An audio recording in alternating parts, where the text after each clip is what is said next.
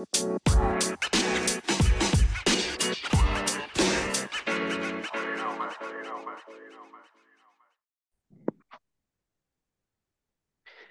og velkommen til nok en ny adventskalenderluke i NBS og Jordbrukspoddens adventskalenderjulepod spesial. I dag har vi vært så heldige å fått med oss en Geir Styve. Du Geir, eh, kan ikke du fortelle litt om hvem du er, hva du driver på med til daglig og hvor du holder til hen? Jeg holder jo til på Strilelandet, da, som er den nærmeste kretsen rundt Bergen by i Nordhordland. Og driver en bitte liten gård her. Eh, familiebruk. Eh, typisk fiskerbondebruk da, med kombinerte aktiviteter. Så eh, i 2004 så ble jeg eh, litt eh, arg på begrepet sutrebonde, for jeg kjenner så mange kjekke bønder. Så jeg kort fortalt tok varemerket Humørbonden for at jeg, ingen skulle kunne kalle meg for sutrebonde. Så det er et registrert varemerke, og det har da fulgt med innhold som er stort sett foredragsvirksomhet gjennom 20 år i hele Norge for bønder, bygder og bedrifter. Så driver vi med, med sau og, og, har i lang tid hatt et hestesenter som nå er litt tona ned. Mm. Og hva, på en måte, hva er det du foredrar om? Hva er liksom budskapet ditt, og hva er det du prøver å, å, å formidle? Kjernen i det er jo en dikter som heter Werner Fink. Han sa at uh, humør er å overvinne fortvilelsen med muntre midler. Så kort fortalt så prøver jeg å sette humør og mot i folk. Uh, det er jo det motsatte av hva bygdedyret gjør, som tar motet fra folk og tar humøret fra folk. Ja, Er, er bygdedyret en utrydningstrua art, eller er det fortsatt uh, godt på plass rundt omkring i norske bygder? Det er i høyeste grad vel eh, føler seg vel og eh, aktivt. Jeg har laget et bygdedyrreservat. I tilfelle de har vært som en trua art, så kan de få trekke seg tilbake der og, og verte mata. Er liksom den her skaperlysten og trua på seg sjøl og tørre å gå litt andre veier og det du liksom prøver å få litt fram, eller? Ja, jeg liker å, eh, veldig godt å hjelpe folk i gang med små bedrifter. Og, og uh, tørre å tro på seg sjøl og tørre å tro på at de kan få til noe. Så Det er jo mye om uh, motivasjon og, og, og, det å drive en liten bedrift det er snakk om. da. Så har jeg òg snakket en del i bondesammenheng om dette med psykisk helse, som jeg er opptatt av. Og spesielt for, for bønder. Hva innen psykisk helse er det som, som, du er opptatt av eller bekymrer deg i forhold til bondens hverdag? Altså, du ser på Ruralis eh, som driver og forsker på, på landsbygda, så eh, er jo ifølge deg så er jo bonden eh, den yrkesgruppa som er mest utsatt for depresjon. Og Bonden jobber alene, og det er veldig mange krav som bonden ikke har kontroll på sjøl, som man bare må, må møte. Og så har det konsekvenser. Hvis bonden blir syk, så eh, har det en tendens til å komme en dyretragedie i bakkant i de, i de tunge tilfellene. Og de dyretragediene de blir slått opp som en sånn omdømmesak. Eh, bønder er, er litt uh, slepphendte og vonde av seg, men det er alltid en, en mennesketragedie i, i bunnen Mm. Hva tenker du er det viktigste for å for å kunne drive si, forebyggende arbeid i forhold til det med psykisk uhelse? Nei, Det, det enkle er det vanskelige. Altså, et problem kan ikke løses før det er erkjent. Så Er du psykisk nede, så er det vanskelig å erkjenne at du er psykisk nede. Så det er veldig avgjørende å ha et nettverk rundt seg som ser at ting ikke er sånn som det pleier å være, og som tør gripe inn på en god måte og, og eh, skaffe fram hjelp. Jeg har jo sett at småbrukere har nå opprettet hjelpelinje på hjemmesida. Det syns jeg òg er, er, veldig fint. Mm. Litt attende til det der med skaperlyst og kreativitet og kanskje gå andre veier. Hva, eller hva har du erfart er liksom den største bøygen for folk hvis de har en drøm eller noe de ønsker å gjøre? Hva er det liksom som hindrer folk i å ta, ta skrittet? Ja, det, å, det å gå ut i noe ukjent, og det har jo to ting i seg. Det ene er å, å gå i noe som ikke du vet fullt ut hva er for noe, og så er det å slippe det kjente. Begge de to mekanismene slår inn samtidig og må overvinnes. Så er det òg det Iallfall sånn som jeg har gjort det. Jeg begynte veldig smått og, og prøvde litt etter litt, og så har jeg bare bygd på. Så det er ikke lett å gå ifra noe og til noe helt nytt og stort. Men eh, på mitt bruk så har ikke jeg hatt sjanse til volumproduksjon. Dette bruket her kan fø fem-seks kyr. Så det er mange, mange, mange år siden det kunne være levebrød her, og det var tynt nok den gangen. Så en, en må liksom tørre å ha tro på seg sjøl, og så må en eh, gi litt blaffen i hva de andre tror. Og den største faren er at en antar hva de andre tror, sånn at en snakker seg sjøl ned. Men eh, det er ikke alltid de andre er så opptatt av hva du gjør på. Mm. Du nevner jo det her med at det er et fiskerbruk. Hvordan, sånn i området ditt, eh, hvordan tilleggsnæringer var det folk hadde før når de var fiskere, og var det andre ting de drev med i nærområdet ditt? Og hvordan mangesysleri er det muligheter for ut ifra en gård, både eh, tidligere og nå? Altså Tradisjonelt så var det jordbruk og fiske. Eh, og her på eh, min heimbygd Hjelmås så kom det veldig tidlig industri. Det ble etablert eh, et teglverk i 1853 på en leirforekomst. Så noen fikk seg tilleggsarbeid på teglverket, og noen hadde inntekt på å leie ut eh, lokale altså hus til, til teglverksarbeiderne. Så utover 1900-tallet så vokste jo fram møbelindustri og tekoindustri og skoindustri, og folk jobber dobbelt på den måten. Lærere, kommunalt ansatte osv. Så, videre. så det, det var sånn lønna stillinger i tillegg.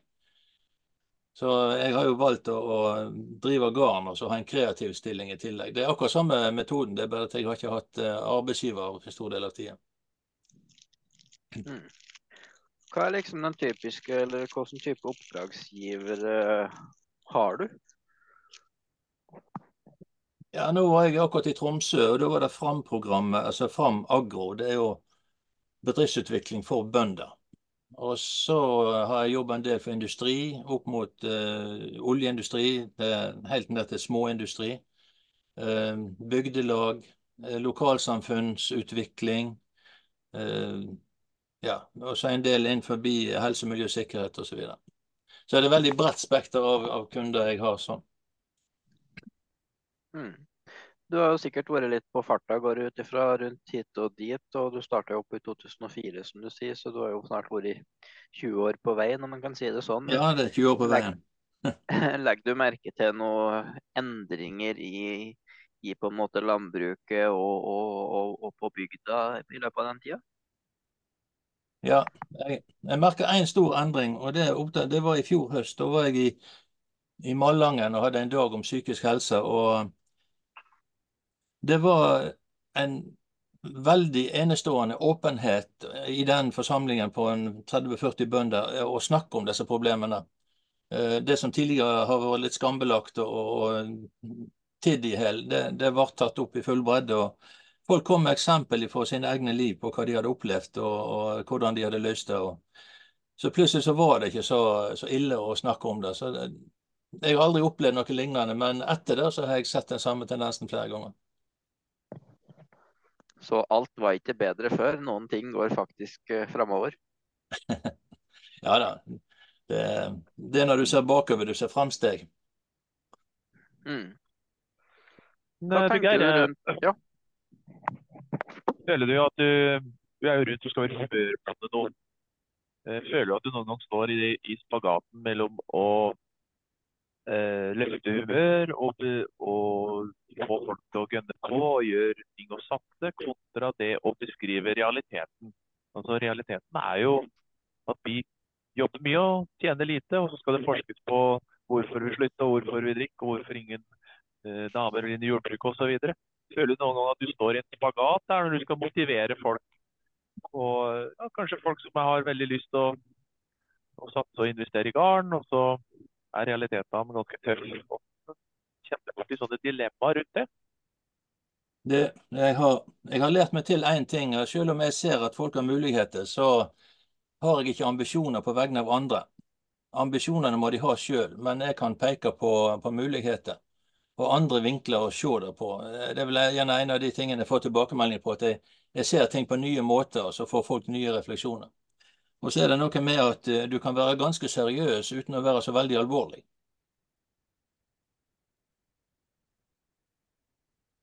Nei, humor, er, humor kan være alvor. Men uh, nå er vi jo litt inne i adventstid og nærmer oss jul. Åssen er det i uh, nærområde og din heim med juletradisjoner, julemat osv.? Kan du dele juleminner med oss? Ja. Uh, jeg, jeg vokste opp på, på gården her, naturligvis. og det var jo alltid et spørsmål om hvordan jeg skulle få seg litt lommepenger. Så min juletradisjon begynte i mai. Da fikk jeg lov å ha en liten kornåker så jeg kunne eh, dyrke nek så jeg kunne selge før jul. da. Og eh, når vi kom ut i september eh, Dette var jo i den tid før det, maten var så farlig som den er i dag. Da, så hang det jo et slakt eller to på, på, på løa vår.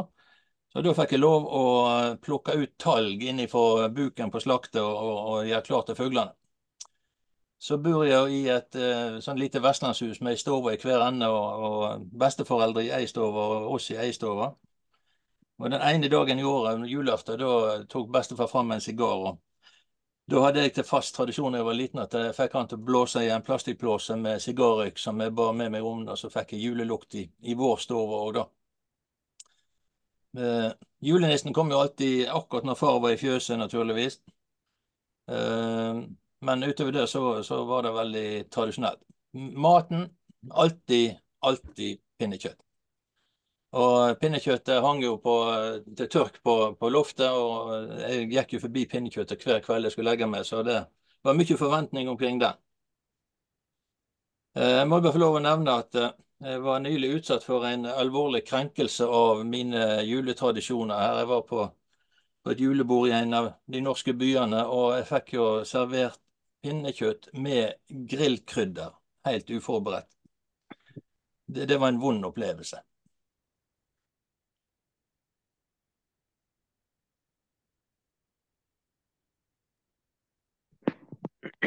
Ja, datt ut, uh, Grim. Da skal jeg spore oss videre. Du, uh, litt på tampen her, Geir. Ja, så vi er jo opptatt, som litt var innom, på det her med bondens ve og vel, og det regner med du er. Hvor viktig tenker du er at man har kanskje en bedre verdsetting av bonden eh, framover enn det man har hatt til nå, for å ta vare på det norske jordbruket, og ikke minst ta vare på, på bonden sitt psykososiale liv og økonomiske og sosiale vilkår, som bør være på lik linje med andre i samfunnet? det der er jo ekstremt viktig. og der er, der er Jeg har forventninger både til samfunnet og, og til bonden sjøl. Men eh, forholdet er jo at vi, vi lever i et flertallsdemokrati. Og, og det, bøndene er jo i et veldig sterkt mindretall. Hvis du ser på hvem som bestemmer i landet, så er det de som har flest stemmer, naturligvis. Men eh, bare Lillestrøm by har jo flere stemmeberettigede enn det finnes bønder. Og når de stemmeberettigede har en forbrukerorientering, så blir ikke bøndene sine behov og, og, og tenkemåter vektlagt så veldig mye. Så jeg mener storsamfunnet må se skrifter på veggen, og bøndene må for så vidt bidra konstruktivt med info. Men jeg må være litt mer frampå og fortelle hvem en er. Eh, det å demonstrere når en er frustrert, det er jo, det er jo forståelig, det. Men eh, det, det overbeviser ikke folk om å stemme vår vei. Så jeg tenker vi må, vi må påvirke politisk, sånn som en gir gjennom bondeorganisasjonene. Og så må eh, samfunnet, hver enkelt, må ta litt inn over seg at det å skalere opp et jordbruk og skaffe såkorn og skaffe nye kalver og skaffe alt som skal være i et påsett, det tar mange år. Så en kan ikke bare trappe ned helt til en har bruk for det, og så trapper en plutselig opp igjen. Jeg fikk jo en skikkelig støkk i meg egentlig i 2018.